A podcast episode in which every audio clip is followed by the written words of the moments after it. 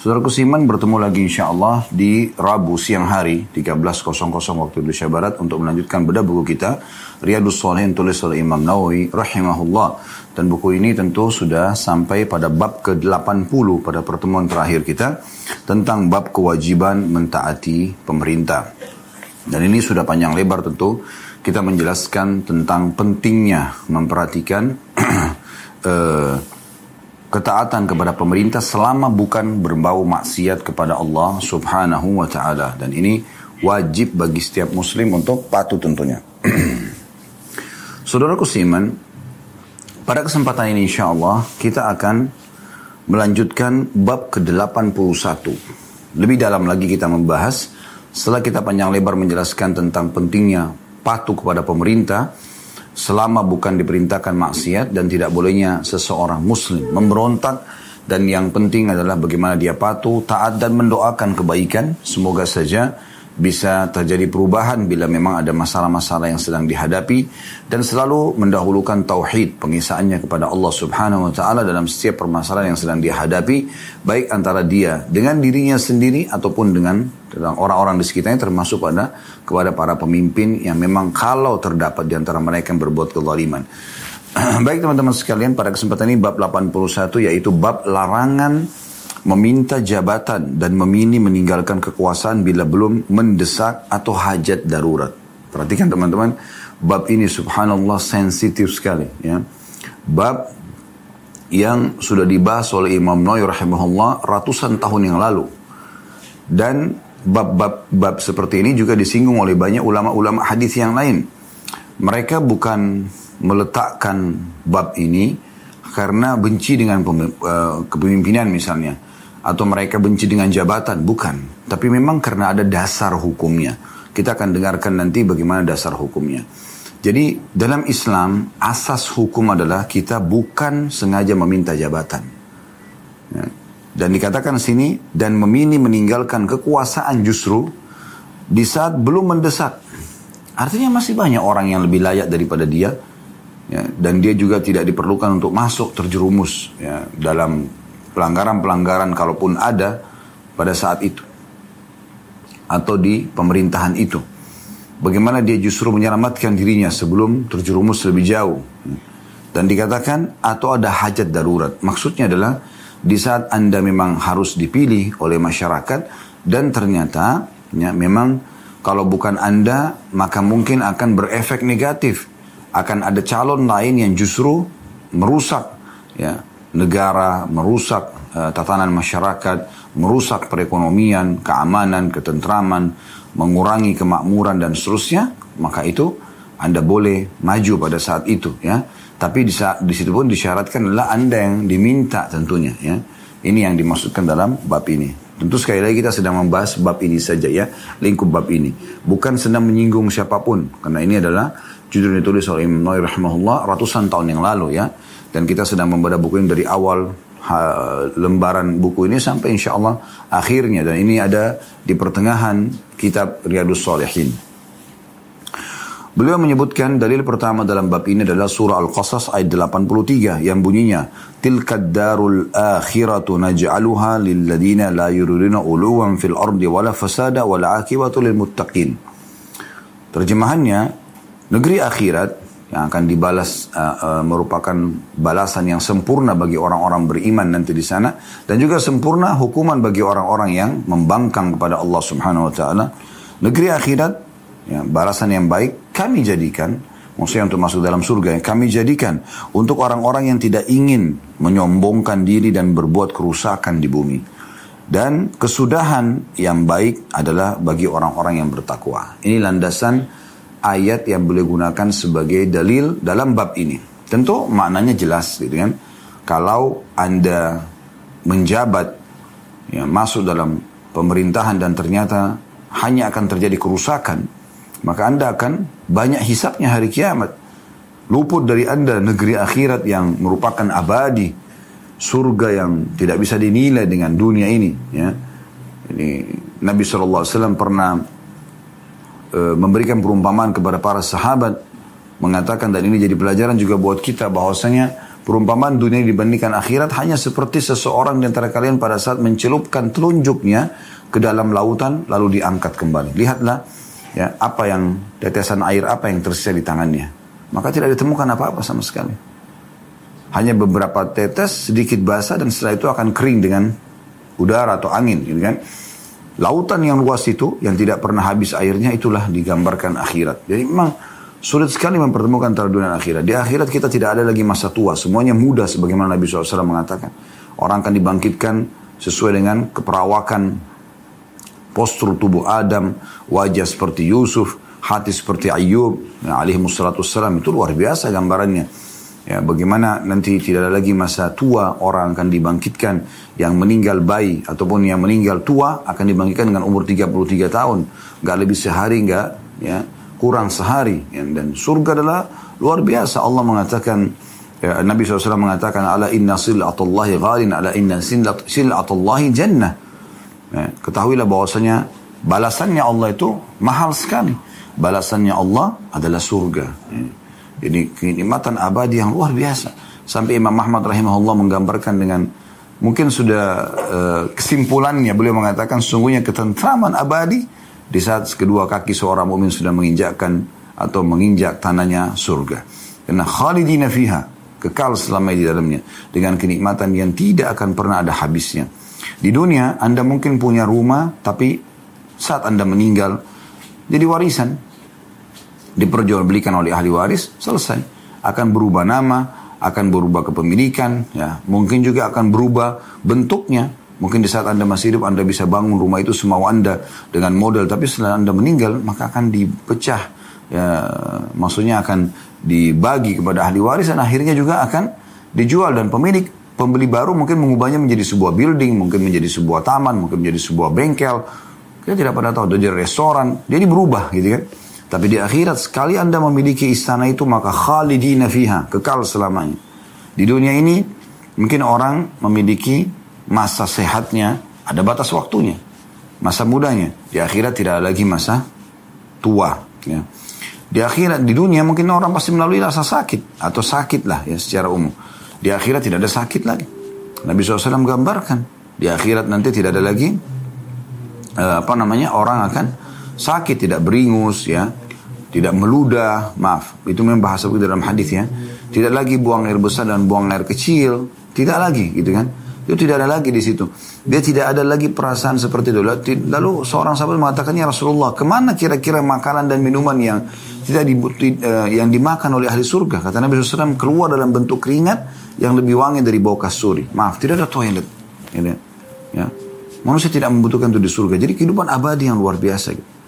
Maka orang-orang yang mau mendapatkan nanti balasan di surga sana, ya, itu luar biasa mereka harus memperbaiki kehidupan dunianya di sini. Memperbaiki kehidupan dunianya di sini. Jadi jangan sampai luput akhirat gara-gara ya dunia keliru ya ada keliru yang dilakukan di sini dikatakan orang yang ingin membuat kerusakan di muka bumi nah ini tidak boleh nah di antaranya adalah orang yang menjabat di sini maksud Imam Rahimahullah orang yang menjabat untuk mengejar jabatan tersebut akhirnya ambisinya dia lah yang membuat dia berkuasa dan akhirnya semuanya kepentingan pribadi saja ini semua ada pertanggungjawabannya. Ya. Yang dia janjikan untuk dia berikan, oleh tidak berikan akan diminta pertanggungjawaban. Fasilitas yang dia dapatkan semua akan dipertanyakan oleh Allah Subhanahu Wa Taala. Ya. Berapa banyak orang yang hanya memperbanyak isi rekeningnya saja, gitu kan? Tidak memikirkan tentang keadaan masyarakat yang dipimpin dan Nabi SAW sudah mengatakan kalian semua pemimpin dan akan minta pertanggungjawabannya pada hari kiamat. Lalu beliau mulai dengan pemimpin satu wilayah, negara, desa, kota, ya uh, dan dia bertanggung jawab terhadap masyarakat dan akan diminta pertanggungjawaban pada kiamat tadi. Baik, beliau masuk ke hadis pertama dalam bab ini. Saya lihat di sini ada empat buah hadis ya. Hadis pertama berbunyi dari Abu Sa'id Abdurrahman bin Samurah radhiyallahu anhu. Beliau berkata Rasulullah SAW bersabda kepadaku ya Abdullah bin Samra atau ya Abdullah bin Samra, la tas'alil imarah fa innaka in a'ti in u'titaha an ghairi mas'alatin u'inta wa in u'titaha an mas'alatin ukilta ilaiha wa idza halafta ala yaminin fara'aita ghairaha khairan minha fa'ti alladhi huwa khairun wa kaffir an yaminik hadis ini diriwayatkan oleh Bukhari dan Muslim terjemahannya Kata Nabi Sallallahu Alaihi Wasallam wahai Abdurrahman bin Samurah. Ini perawi hadisnya ya. Janganlah engkau meminta jabatan. Karena apabila kamu diberi jabatan tanpa meminta, maka kamu akan ditolong dalam melaksanakannya. Maksudnya Allah akan berikan pertolongan kepadamu untuk menjalankan tugas itu. Apabila, namun apabila kamu diberi karena memintanya, maka jabatan itu sepenuhnya dibebankan kepadamu. Apabila kamu bersumpah atas sesuatu, lalu kamu melihat ada yang lebih baik dari sumpah itu, maka kerjakan yang lebih baik dan tebuslah ya, sumpah itu ya, dengan membayar kafar atau dendahnya. Hadis ini teman-teman sekalian memberikan pelajaran kepada kita ya, banyak sekali di antaranya. Kita akan ambil langsung pelajaran pertama dari hadis yaitu pentingnya seorang muslim tidak uh, mengejar jabatan ya. Dia coba menjalankan semampu dia apa yang dia mampu kerjakan dan pada saat diamanahkan sebuah jabatan maka dia akan jalankan dengan baik. Tapi dia tidak mengemis, dia tidak berharap karena orang yang mengejar jabatan dia akan sulit sekali untuk meninggalkan jabatan tersebut dan dia akan menunggangi jabatan itu untuk kepentingan-kepentingan pribadi dia. Padahal sebenarnya ini adalah amanah. Dia harus bisa menjaga uh, amanah ini, de, menjalankan dengan baik dan juga akan dia tahu akan diminta pertanggungjawaban nanti pada hari kiamat. Tidak ada yang luput. Ya, selembar kertas yang Anda gunakan di kantor Anda tanpa izin ya dan bukan hak anda, akan diminta pertanggungjawabannya hari kiamat. Ya, sebuah pulpen. Ya. Apalagi hal-hal yang lebih besar daripada itu. Semua akan diminta pertanggungjawabannya. Maka hati-hati. Apalagi keputusan-keputusan, wewenan-wewenan. Berapa banyak orang yang anda zalimi. Dia punya hak anda tidak izinkan. Hanya dengan anda tidak beri tanda tangan. Akhirnya dia tidak mendapatkan haknya misalnya. Dan seterusnya. Banyak hal mungkin kalau kita jabarkan dalam satu jabatan. Terlalu banyak pertanggungjawabannya. Anda menjabat sehari saja, mungkin ada lima orang yang datang sedang punya hajat di kantor Anda. Mungkin ada yang Anda tidak temuin, ada yang tidak Anda penuhi. Misal, kalau sekali se sebulan berapa banyak orang yang telah Anda uh, bengkalaikan, ya mungkin ditolak oleh staf Anda misalnya. Dan seterusnya, berapa banyak keputusan yang Anda tahan. Yang Anda sedang memikirkan tentang masalah Anda pribadi. Itu luar biasa gitu ya. Jadi harus hati-hati seseorang mengambil pelajaran dari semua ini. Oleh karena itu kita kembali kepada pelajaran yang pertama di sini adalah tidak bolehnya seorang muslim, ini yang lebih tepatnya, tidak bolehnya seorang muslim sengaja meminta jabatan tersebut. Ya. Dilarang oleh Nabi Shallallahu Alaihi Wasallam. Karena orang kalau memintanya, maka akan dibebankan sepenuhnya jabatan itu pada dia. Maksudnya Allah tidak akan menolongnya. Dan itu sulit sekali. Kalau bukan taufik dari Allah, bagaimana seseorang bisa memimpin sebuah negara, sebuah kota, sebuah desa, ya, sebuah lembaga atau instansi? Gimana caranya? Bahkan seorang suami pun bagaimana? Kalau bukan dengan taufik dari Allah dia bisa memimpin rumah tangganya, ya, mendidik istrinya dengan baik, anak-anaknya melindungi mereka, ya. Dalam sholat pun kalau bukan karena pertolongan tidak bisa seorang imam menjalankan dengan baik tugasnya. Mungkin kalau dia sendiri yang menjalankan tanpa taufik dari Allah, mungkin dia akan sering lupa jumlah rakaatnya. Mungkin dia tidak mengingat bacaan yang harus dia baca. Tapi Allah berikan taufik kepada dia. Oleh karena itu orang kalau sengaja meminta jabatan, Allah bebankan pada dia semuanya. Berarti dia akan banyak mengalami kesalahan. Ya. Kalaupun ada orang yang sengaja menyerang dia, Allah tidak tolong dia. Ini musibah yang besar. Gitu kan? Harusnya seseorang memahami masalah ini. Faedah kedua dari hadis adalah bolehnya seseorang menerima jabatan kalau dia ditawarkan. Ya. Dan kalau dia karena ditawarkan dan dia melihat maslahatnya dia memimpin di situ, artinya kalau dia tidak memimpin maka mungkin tidak ada yang bisa memimpin masyarakat, atau kalau dia biarkan maka ada pemimpin lain yang mungkin zalim jauh dari Allah subhanahu wa ta'ala, jauh dari agama yang akan memimpin, maka dia terima. Dan di saat itu, kata Nabi SAW, Kamu akan ditolong ya uinta alaiha tentang jabatan tersebut ya, kamu akan diberikan taufik dari Allah Subhanahu wa taala. Allah akan mudahkan muncul ide-ide yang baik. Allah akan mudahkan banyak sekali peluang-peluang dan kesempatan ya Anda untuk bisa ya menjalankan uh, tugas tersebut dan juga mengembangkan ya ide-ide, kemudian memberikan yang terbaik, diberikan keberkahan dan taufik dari Allah Subhanahu wa taala. Nah, jadi berarti di sini faedah kedua lawan daripada faedah pertama tadi. Kalau yang pertama kan tidak boleh meminta jabatan, eh tidak boleh sengaja meminta jabatan ya. Dalam Islam dan itu efeknya adalah Allah akan membiarkan dia sendiri yang memecahkan permasalahannya, uh, menangkis uh, serangan-serangan datang kepadanya dan seterusnya. Dan sebaliknya yang kedua faedahnya adalah bolehnya menerima jabatan bila ditawarkan, ya, bila ditawarkan di sini dan dia melihat maslahatnya adalah dia menerimanya karena tidak ada yang bisa memimpin atau kalau dia biarkan ada pemimpin lain yang mungkin jauh dari Allah Subhanahu wa taala, jauh dari agama sehingga memberikan mudarat yang besar bagi umat ataupun bagi masyarakat. Maka di situ boleh menerima dan akhirnya akan diberikan ya, taufik dari Allah Subhanahu wa taala. Ini faedah kedua dari hadis. Faedah ketiga dari hadis tentu sudah keluar dari uh, bab bahasan kita, tapi ini karena hadisnya ditulis lengkap oleh Imam Nawawi rahimahullah adalah kata Nabi SAW dan kalau seandainya engkau bersumpah dengan nama Allah, ya, misalnya anda mengatakan demi Allah misalnya, lalu kata Nabi SAW, engkau melihat ternyata ada sesuatu yang lebih baik dari itu, maka pilihlah yang lebih baik dan bayarlah, tebuslah dengan kafarah.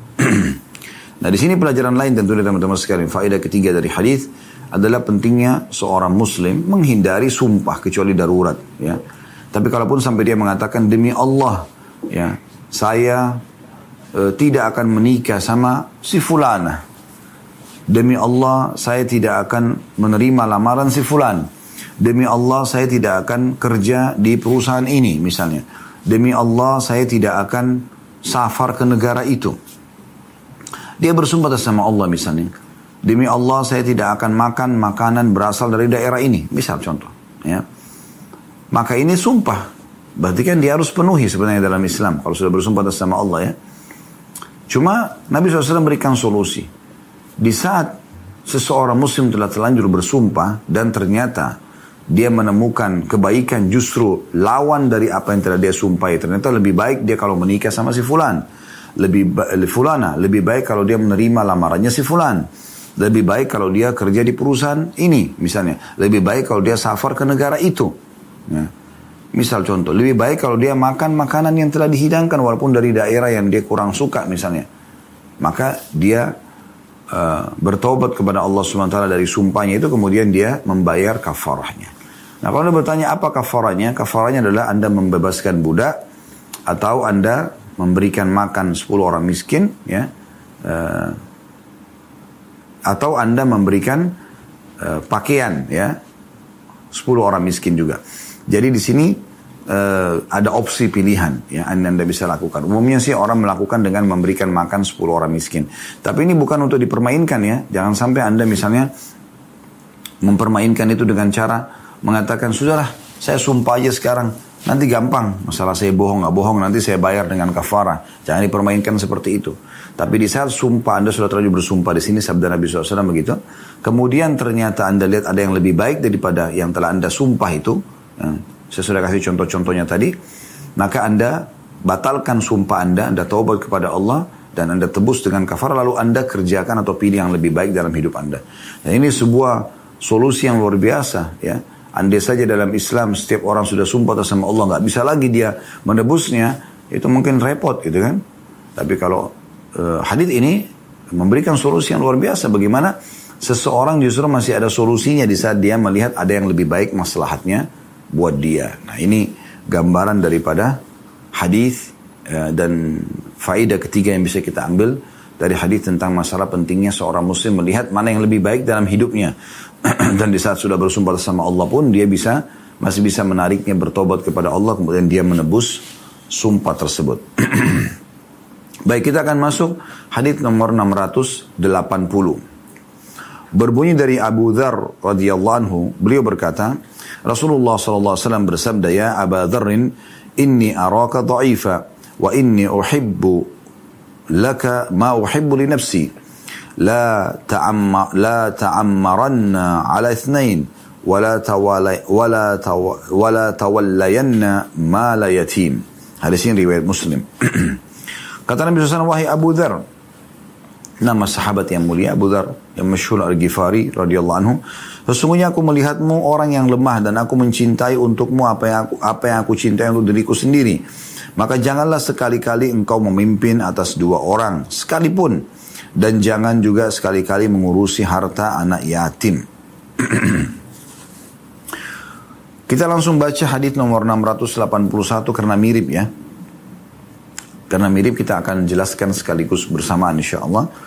Masih dari sahabat Abi Dhar radhiyallahu anhu, beliau berkata, saya berkata, ya Rasulullah, ala tasta'miluni? فضرب بيده ya منكبي Dhar, innaka يا wa innaha amanah wa innaha أمانة وإنها يوم القيامة خزي وندامة إلا akhadaha أخذها wa وأدى الذي عليه Artinya hadis ini riwayat Muslim, dua-duanya riwayat Muslim. Riwayat nomor 680 dan riwayat 681. Terjemahannya, hadis nomor 681. Abi Dhar berkata, Wahai Rasulullah, mengapa anda tidak memberiku jabatan? Lalu Nabi SAW menepuk tangannya ke atas pundakku, kata Abi Dhar. Dan bersabda, Wahai Abu Dhar, sesungguhnya engkau ini lemah dan jabatan itu adalah amanah pada hari kiamat akan menjadi kehinaan dan penyesalan. Kecuali bagi orang yang mengambilnya dengan haknya dan menunaikan tugas jabatan yang menjadi kewajibannya. Riwayat ini teman-teman sekalian memberikan banyak sekali pelajaran yang bisa kita ambil ya. Faedah pertama yang bisa kita ambil adalah tentang pentingnya seseorang mengetahui kadar dirinya, kapasitas yang ada pada dirinya ya. Tidak boleh dia memaksakan di atas kapasitasnya. Dan e, jangan coba-coba kecuali memang Anda sudah punya pengalaman, punya ilmu yang bisa Anda jadikan sebagai e, pegangan ya di bidang yang Anda akan tekuni. Nah, ini penting sekali ya. Sehingga Anda tidak sembarangan masuk ya ke dalam satu kegiatan sementara Anda sama sekali tidak mengetahui kegiatan itu apa, ya, targetnya apa, tujuannya apa, ya. Hingga tidak bermanfaat, apalagi Anda tiba-tiba mau jadi pemimpin di situ. Ya. Maka ini akan mengacaukan semuanya nantinya, gitu kan. Nah itu yang dimaksudkan di sini. Jadi pentingnya seseorang mengetahui kadar dirinya. Dan di sini luar biasanya Abi Dhar radhiyallahu anhu tidak malu dalam menukir riwayat ini. Coba bayangkan. Di sini kalau orang berpikir secara akal manusia, bukan keimanan, ya. Maka Abi Dhar tidak perlu menyampaikan hal ini. Karena ini pesan Nabi pribadi kepada dia. Dia kan bilang, ya Rasulullah, pekerjakan saya berikan saya jabatan. Karena Nabi SAW tunjuk orang jadi panglima perang, ya, jadi uh, uh, pengganti beliau sementara kalau misalnya beliau lagi keluar dari Madinah berperang, misalnya ada yang diangkat menjadi pemimpin di Madinah, ada orang yang diangkat jadi muadzin, ada yang diangkat menjadi uh, kepala suku, ya, uh, dan seterusnya. Ada yang menjaga baitul mal, ada yang membagi-bagi uh, ghanimah harta rampasan perang, ada yang uh, mengurus jenazah dan seterusnya. Banyak yang Nabi SAW amanahkan gitu kan? Tetapi uh, Abi Dhar di sini bertanya mengatakan ya Rasulullah berikan saya jabatan. Nabi SAW memegang pundaknya sambil mengatakan hai Abi Dhar kamu adalah orang yang lemah. Ini kalau secara akal manusia kan aib bagi dia. Nabi menjelaskan kamu lemah. Kalau dia sampaikan seperti sekarang hadis ini kan seluruh umat yang baca hadis ini tahunya Abi Dhar orang lemah kan begitu tapi subhanallah iman mengalahkan semua ya akal manusia, pemikiran akal manusia gitu.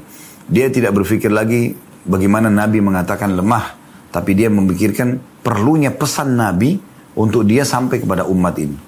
Atau Abi Dhar juga bisa langsung to the point menyampaikan hadis, ya, menyampaikan apa yang Nabi Wasallam sampaikan mengatakan misalnya Sesungguhnya jabatan itu adalah amanah dan akan menjadi penyesalan pada hari kiamat. Kan bisa beliau sampaikan seperti itu. Sehingga orang tidak tahu kalau ini hadis ya, Nabi SAW sedang menegur dia pribadi gitu. Tapi subhanallah luar biasanya kedudukan beliau di sini ya. Jadi faedah pertama dari hadis adalah pentingnya seseorang mengetahui kadar dirinya dan tidak ada yang aib ya bagi seseorang bila dia tidak mampu untuk menolak jabatan tersebut dan tidak yang menerimanya. Serta juga tidak ada salahnya seseorang menyampaikan kalau ditanya kenapa kamu tidak menjabat, oh saya bukan ahlinya. Itu bagus sekali, ya. Karena kata Nabi SAW dalam sebuah hadis, e, kalau seandainya perkara itu diberikan kepada selain ahlinya, maka tunggulah kehancuran, kebinasaan. Ini pelajaran pertama dari hadis. Pelajaran yang kedua yang bisa diambil dari hadis adalah bahwasanya kepemimpinan nanti yang tidak dijalankan ya, tidak dijalankan dengan baik, tidak dijalankan sesuai dengan amanah yang dibebankan di pundak uh, si pemimpin ini, maka akan menjadi Nabi SAW berikan penjelasan dua hal. Akan menjadi di sini khizyun wa nadama.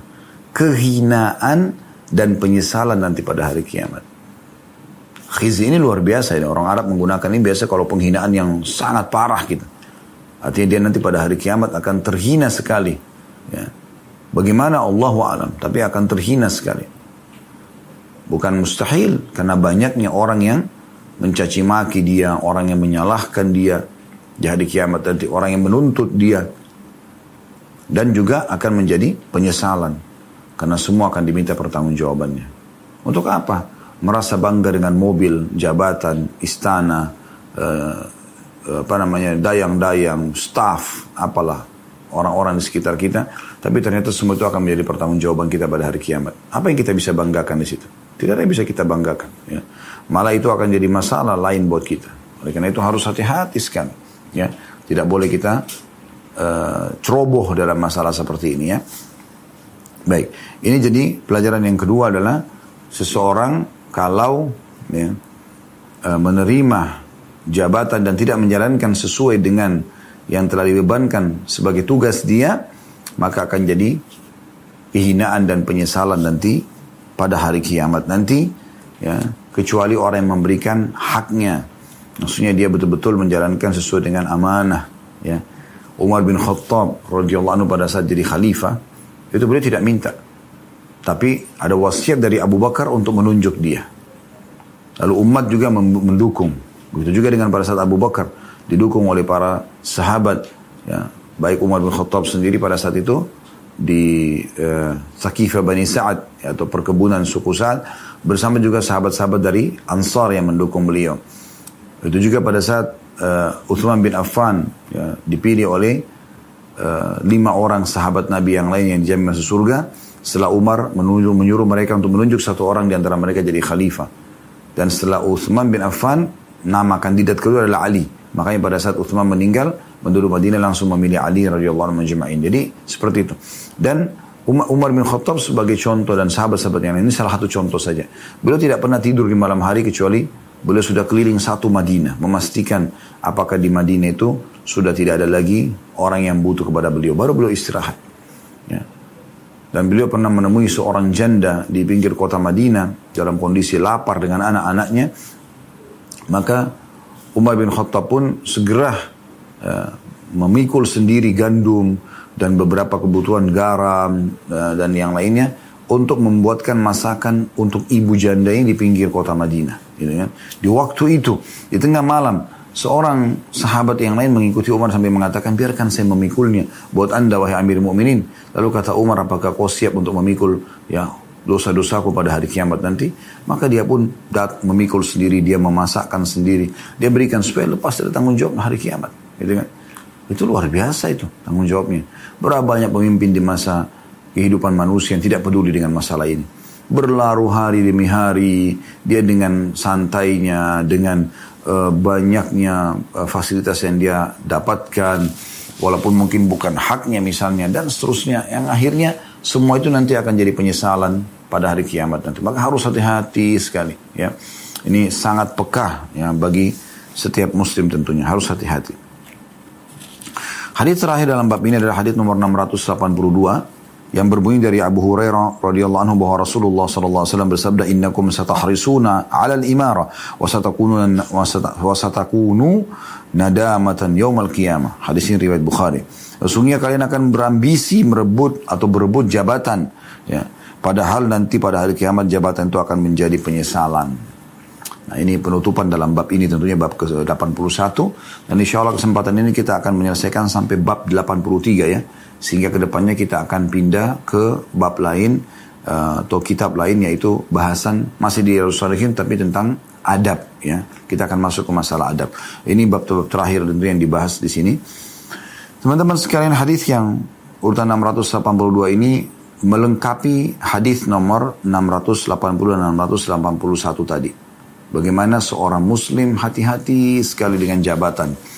Kapan dia memintanya secara khusus, maka dia akan dibebankan. Dia akan dibebankan jabatan tersebut tanpa ada bantuan dari Allah subhanahu wa ta'ala. Tidak ada taufik yang diberikan Allah kepada dia.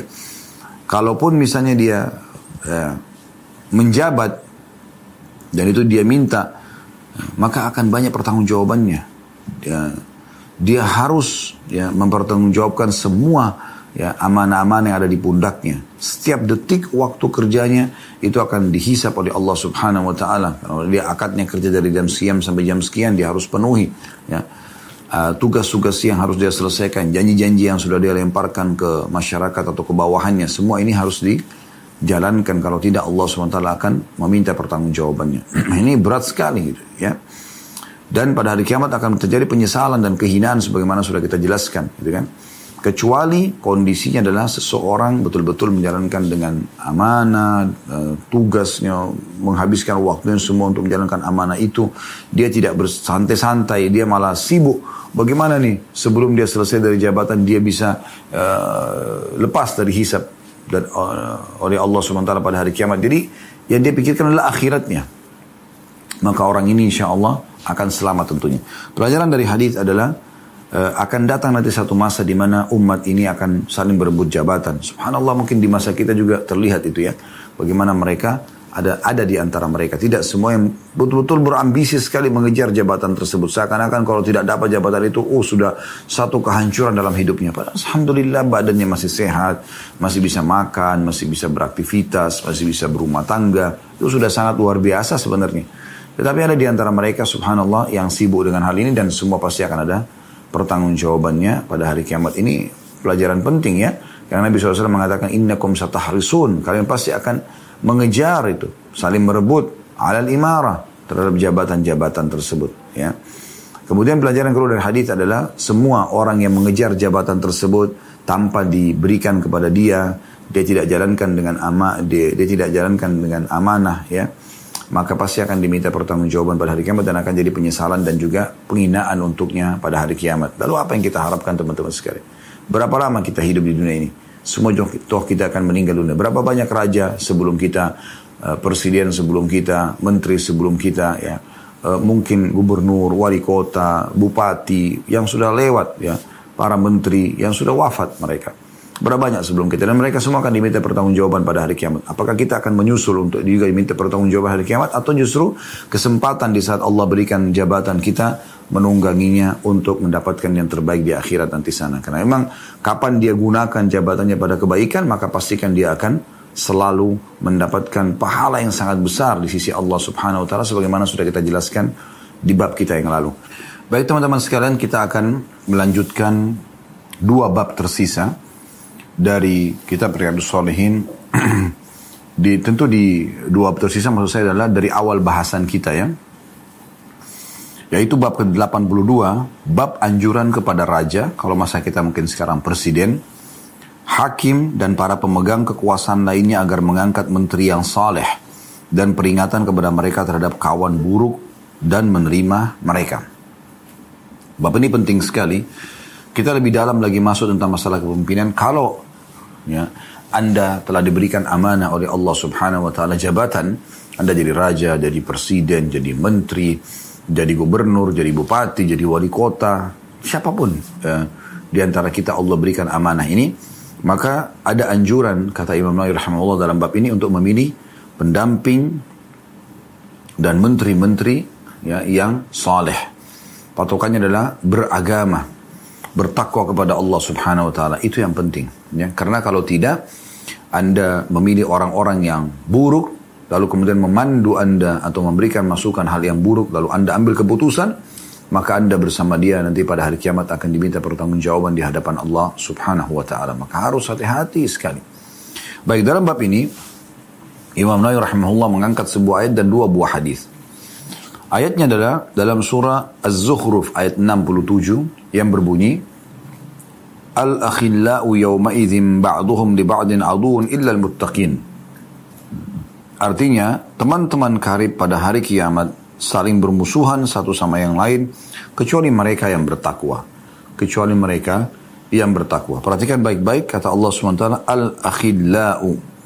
Jamak daripada khalil yang berarti sahabat-sahabat orang yang dekat. Ya mereka sering berkasih selama di dunia ya. Maka pada hari kiamat nanti mereka bisa saling musuh musuh satu sama yang lain atau akan akan saling bermusuhan satu sama yang lain kecuali orang-orang yang bertakwa. Ya, di sini ada jawaban ya. Orang yang bertakwa tidak akan bermusuhan. Kenapa sih mereka akan saling menasehati kebaikan.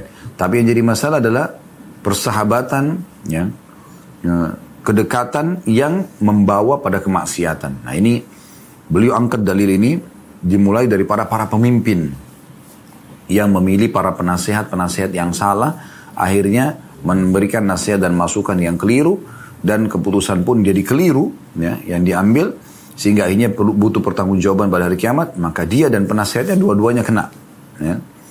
oleh karena itu harus memilih penasihat-penasihat yang benar-benar soleh yang sangat baik yang tulus karena mencari pahala di sisi Allah subhanahu wa ta'ala ya.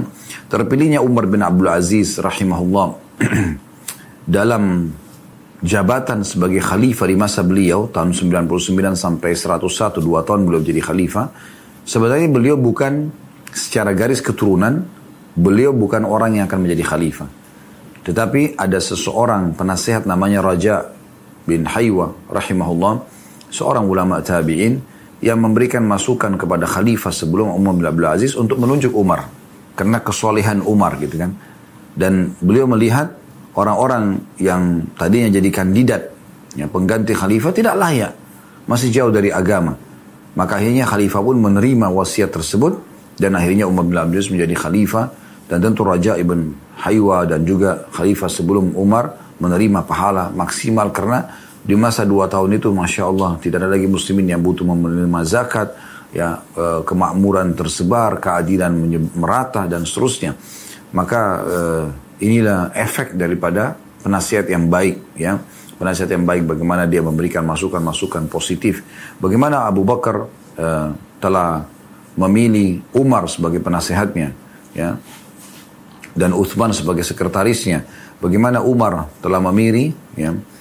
Uthman bin Affan, Ali bin Abi Thalib dan beberapa sahabat Nabi yang lain sebagai orang-orang terdekat beliau yang memberikan masukan-masukan. Bagaimana Uthman bin Affan juga melibatkan orang-orang yang mulia di kalangan sahabat begitu juga dengan Ali bin Abi Thalib dan seterusnya. Ya, maka mereka-mereka ini memilih orang-orang yang tepat sasaran yang memberikan masukan-masukan dan berapa banyak kisah raja-raja muslimin yang akhirnya Allah berikan taufiknya justru karena penasihat-penasihat mereka yang ada di sekitarnya atau para menteri-menteri yang sangat baik, yang tulus dan ikhlas menunggangi menunggangi jabatannya untuk mendapatkan yang terbaik di akhirat sana dan bukan ambisi dunia, maka sukseslah kepemimpinan tersebut di masanya dan menjadi masa-masa emas bagi wilayah tersebut karena memang ketulusan mereka. Nah ini yang dimaksud dengan poin yang dijelaskan atau diambil dari Az-Zukhruf ayat 67 dalil pertama diangkat oleh Imam Nawawi rahimahullah. Dan kalau ada orang-orang yang justru memilih pemimpin yang baik dan penasihat yang baik akan selamat. Orang memilih pemimpin yang uh, uh, penasihat yang buruk maka akan celaka dan mereka akan saling bermusuhan nanti pada hari kiamat. Kamu yang suruh saya, kamu yang telah men men menerima. Jadi si penasihat akan menyalahkan si pemimpin, dia akan menyalahkan penasihatnya atau para menterinya karena mereka ya saling menuduh satu sama yang lain. Ya, sayangnya banyak di antara orang mengatakan ya sudahlah, memang dari dulu kepemimpinan juga sudah begini uh, sudah terbiasa korupsi, sudah terbiasa permasalahan-permasalahan tidak dipecahkan, ya tidak ada andil yang diberikan kepada masyarakat dan dan dan seterusnya. Akhirnya seakan-akan dia mengatakan sudah nanti kalau dihisap sama Allah ya sudah saya ikut dihisap juga nggak apa-apa. Subhanallah, seakan-akan mudah gitu. Anda pernah menghadapi masalah rumah tangga? Bagaimana kalau Anda sedang duduk dan sedang didikte oleh pasangan Anda? Bukankah Anda merasa terganggu? Ya, anda merasa dihakimi? Satu orang. Orang yang lemah depan anda manusia biasa tidak punya jabatan apa cuma status suami atau status istri. Bagaimana kalau anda nanti di mahkamah Allah subhanahu wa ta'ala yang tuntut anda sekian banyak orang. Ya. Berat sekali hisab Allah SWT hari kiamat dan sangat detail. Ya. Ma yalfidu min qawlin illa ladaihi rakibun atid. Tidak ada satu kata pun yang keluar dari seseorang kecuali ada pengawasnya dari malaikat. Nggak mungkin gitu. Bagaimana orang-orang kafir digambarkan pada hari kiamat kata Allah SWT dalam Al-Quran Mali hadal kitab la yughadiru saghiratan wala kabiratan illa ahsaha Buku apa yang kami terima ini? Buku amal apa ini? Yang tidak membedakan mana yang kecil dan yang besar. Semuanya tercatat. Semuanya akan diperlihatkan pada hari kiamat nanti. Wa may ya'mal mithqala dzarratin khairan yara. Sampai berbuat seperti biji sawi dari kebaikan akan diperlihatkan dan dia akan terima balasannya. Wa may ya'mal mithqala dzarratin syarran yara. Sampai yang berbuat seperti biji sawi dari keburukan akan diperlihatkan dan akan dihukum. Maka harus hati-hati teman-teman sekalian. Keputusan di tangan kita masing-masing. Di sini tidak ada singgungan untuk siapa pun tentunya ya. Sekali lagi ini bahasan bab yang sudah ditulis ratusan tahun yang lalu.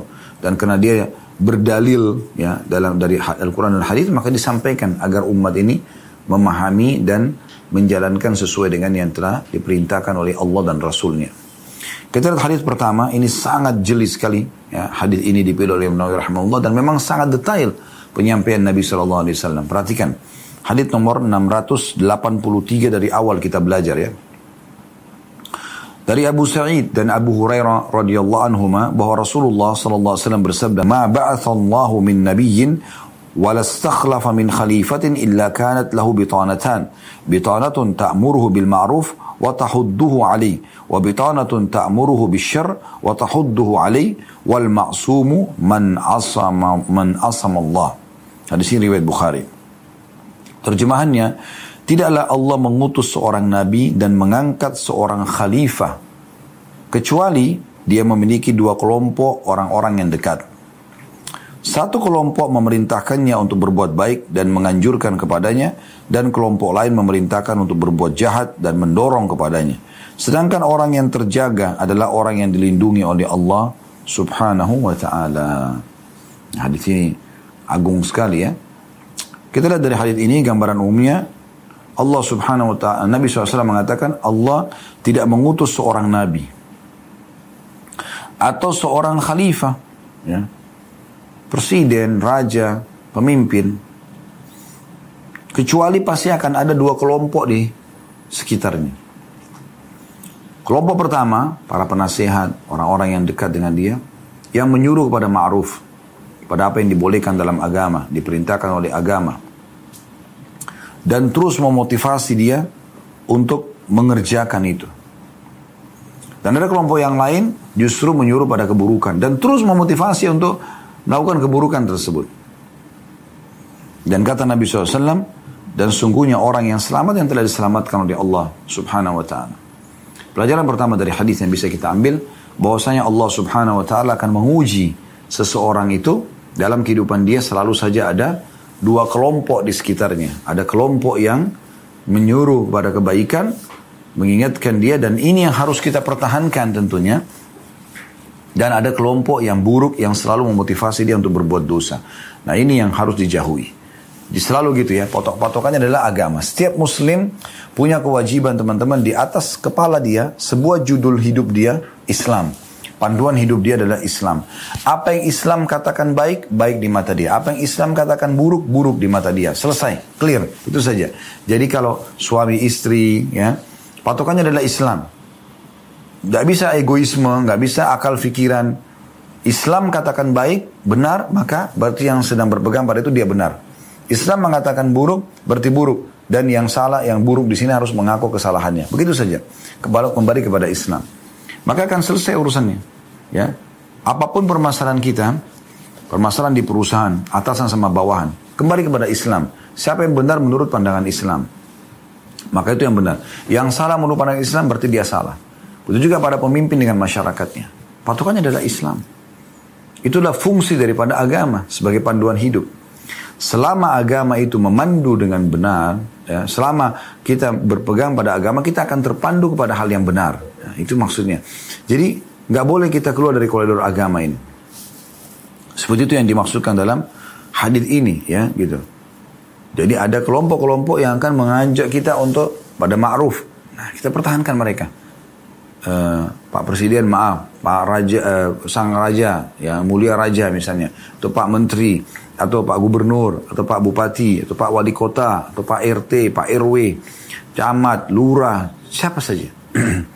Eh, pemimpin, Pak Direktur, ya, manajer, siapa saja yang jadi pemimpin. Hmm. Mengatakan hati-hati, ini kayak sepertinya dalam Islam keliru. Islam itu mengajarkan begini misalnya. Jangan sampai nanti Allah hisap. Rangkul orang-orang ini. Pegang orang-orang ini.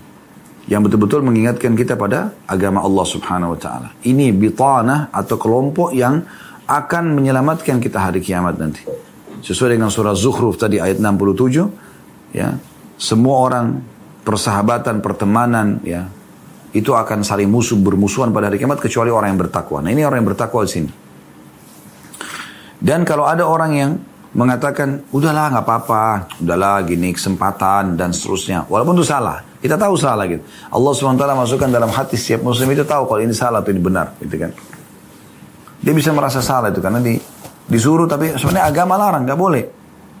Kembali kepada Islam tadi saya bilang.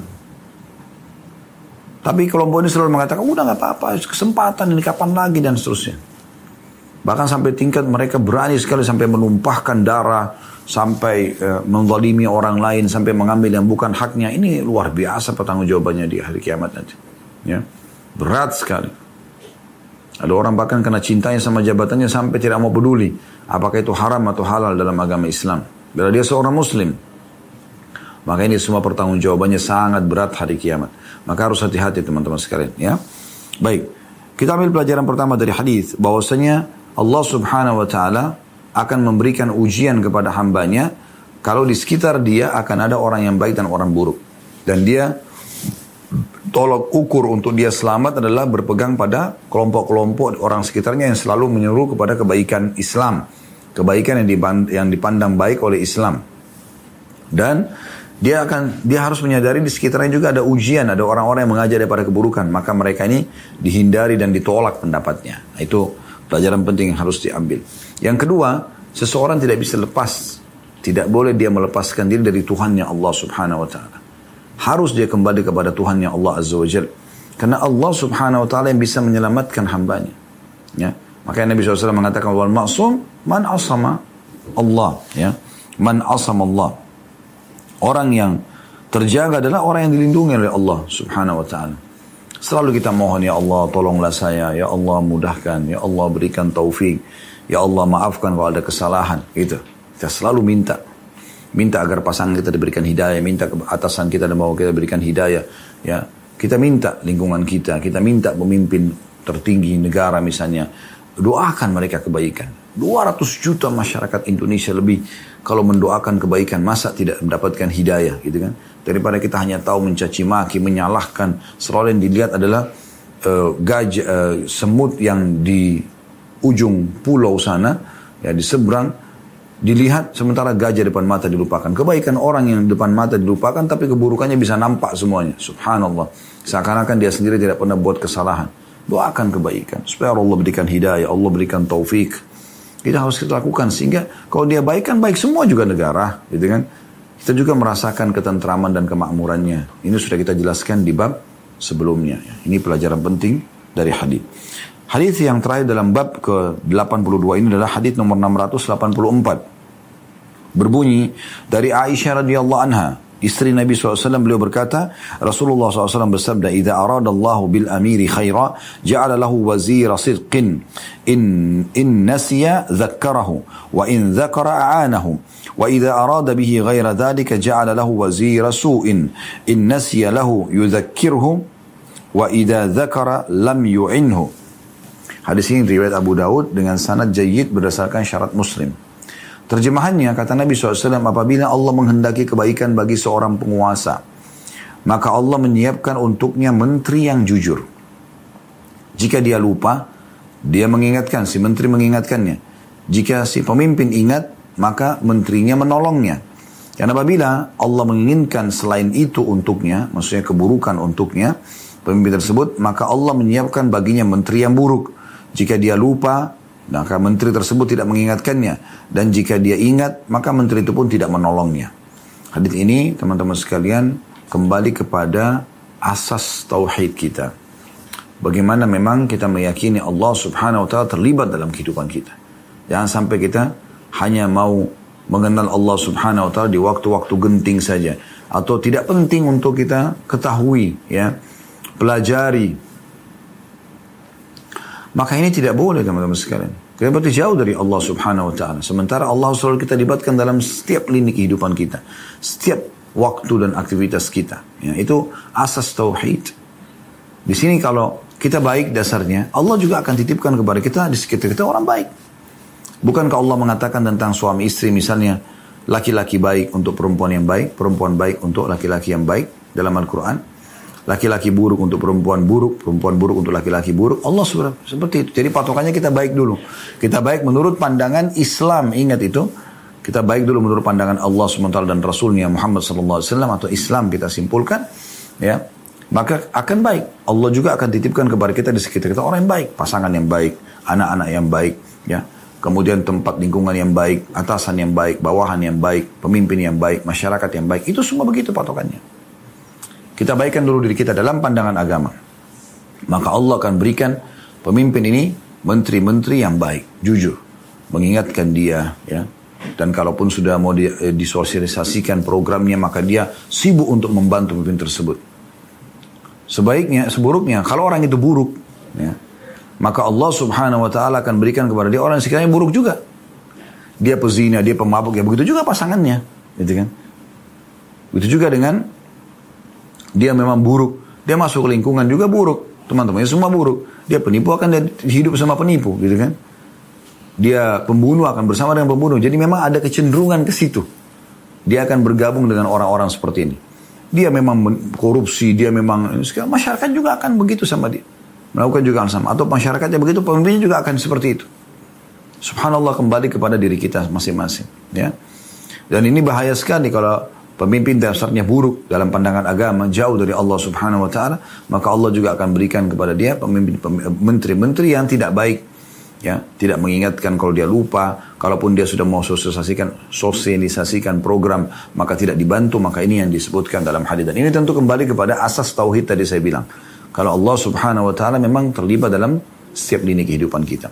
Pelajaran pertama dari hadis, Bagaimana seseorang tidak boleh melepaskan diri dari Tuhannya Allah subhanahu wa ta'ala. Selalu minta agar Allah berikan taufiknya, Allah berikan rahmatnya ya. Uh, Allah berikan keberkahan dalam setiap apa yang akan dia lakukan. Sehingga Allah pun selalu menolong dia dengan ya menteri-menteri atau orang-orang di sekitar dia atau orang-orang dekat dia yang membantu dia. Pelajaran kedua yang bisa diambil dari hadis adalah kalau seseorang itu jauh dari Allah subhanahu wa ta'ala, selalu bermaksiat kepada Allah, tidak tahu tidak kembali ke jalan Allah, maka pastikan Allah pun akan mendatangkan orang-orang di sekitarnya yang buruk, yang justru akan memperburuk keadaan dia. Allahu a'lam. Terakhir teman-teman sekalian, bab ke-83 dan ini cuma ada sebuah hadis. Saya melihat hadis ini sebenarnya menyempurnakan bahasan bab ke-81 tadi ya yaitu bab larangan menyerahkan kepemimpinan, jabatan hakim, dan bentuk kewenangan lainnya kepada seseorang yang memintanya atau berambisi kepadanya, sehingga dia menawarkan diri untuk memikulnya. Jadi kita nggak boleh sembarangan memberikan jabatan kepada orang, gitu kan? Sehingga akhirnya salah nanti dalam mengambil keputusan. Ini sebuah hadis saja Hadis nomor 685 dari awal belajar berbunyi dari Abu Musa al-Ash'ari radhiyallahu anhu beliau berkata, "Dakhaltu 'ala Nabi sallallahu alaihi wasallam ana wa rajulani min bani um, min bani ammi."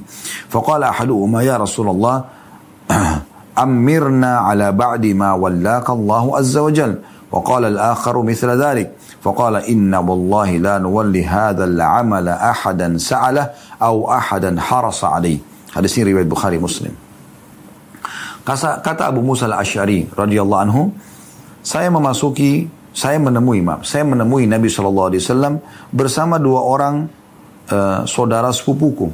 Ya. Salah satu dari sepupuku berkata, Wahai Rasulullah, berilah aku jabatan dalam sebagian apa yang Allah Azza wa Jal atau Allah yang maha mulia dan maha tinggi kuasakan kepada anda. Yang lain juga berkata serupa. Minta juga jabatan. Dua sepupunya Abu Musa al-Ashari. Abu Musa tidak ngomong apa-apa. Cuma meriwayatkan hadis ini ya. Maka Nabi SAW bersabda, sungguhnya kami demi Allah tidak akan memberikan pekerjaan ini kepada orang atau jabatan ini kepada orang yang memintanya atau seseorang yang berambisi terhadapnya. Nah hadis ini menyempurnakan bahasan kita tentang masalah bab yang kita sudah jelaskan di bab 81 tadi di awal sesi pertama sebelum ya jeda iklan tadi itu menjelaskan tentang masalah larangan ya untuk berambisi mengejar jabatan. Nah di sini tidak boleh kita memberikan jabatan kalau memang kita punya wewenang kepada orang yang berambisi untuk jabatan tersebut. Nabi SAW mengatakan bahkan bersumpah atas sama Allah demi Allah kami tidak akan pernah memberikan jabatan apa pun, pekerjaan apa pun kepada orang yang sengaja mengejarnya, memintanya atau dia mengejarnya atau berambisi terhadapnya. Nah ini asas luar biasa ini ya kepada orang-orang yang Allah amanahkan mereka penentu keputusan untuk memilih seorang pemimpin, apakah pemimpin negara, apakah menteri, apakah pemimpin wilayah, apakah pemimpin perusahaan, apakah manajer kalau di bawah lebih lebih, uh, uh, lebih lebih rendah lagi jabatannya dan seterusnya, gitu kan?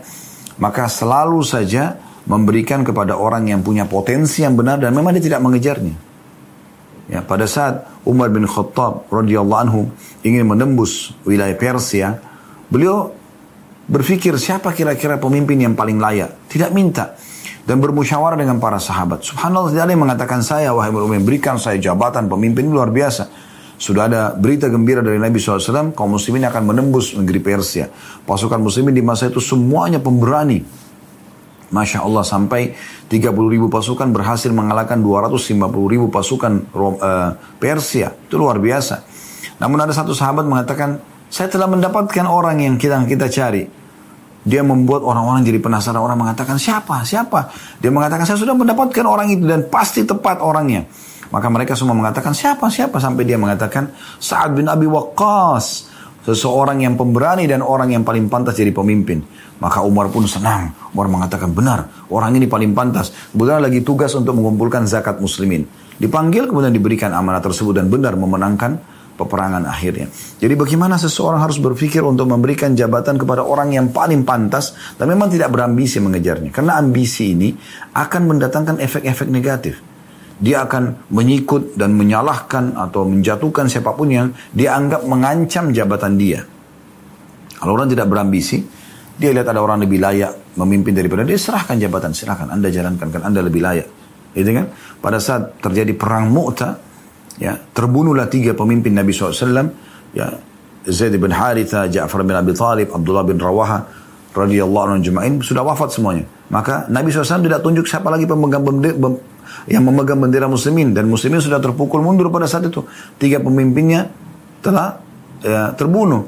Maka ada seorang sahabat mengambil bendera, kemudian dia memegangnya. Tapi dia datang mendekati Khalid bin Walid lalu dia serahkan kepada Khalid bin Walid. Dia mengatakan ambillah wahai Khalid. Khalid Walid mengatakan, Anda lebih layak, Anda lebih dulu masuk Islam.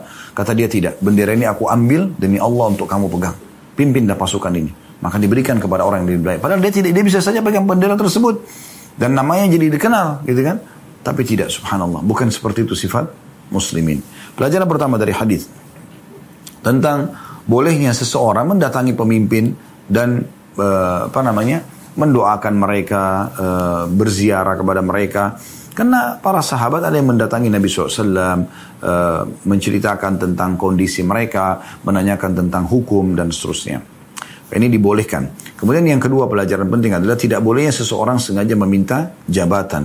Ya, di sini Nabi SAW langsung menolak kedua sepupu Abu Musa al-Asyari karena minta jabatan.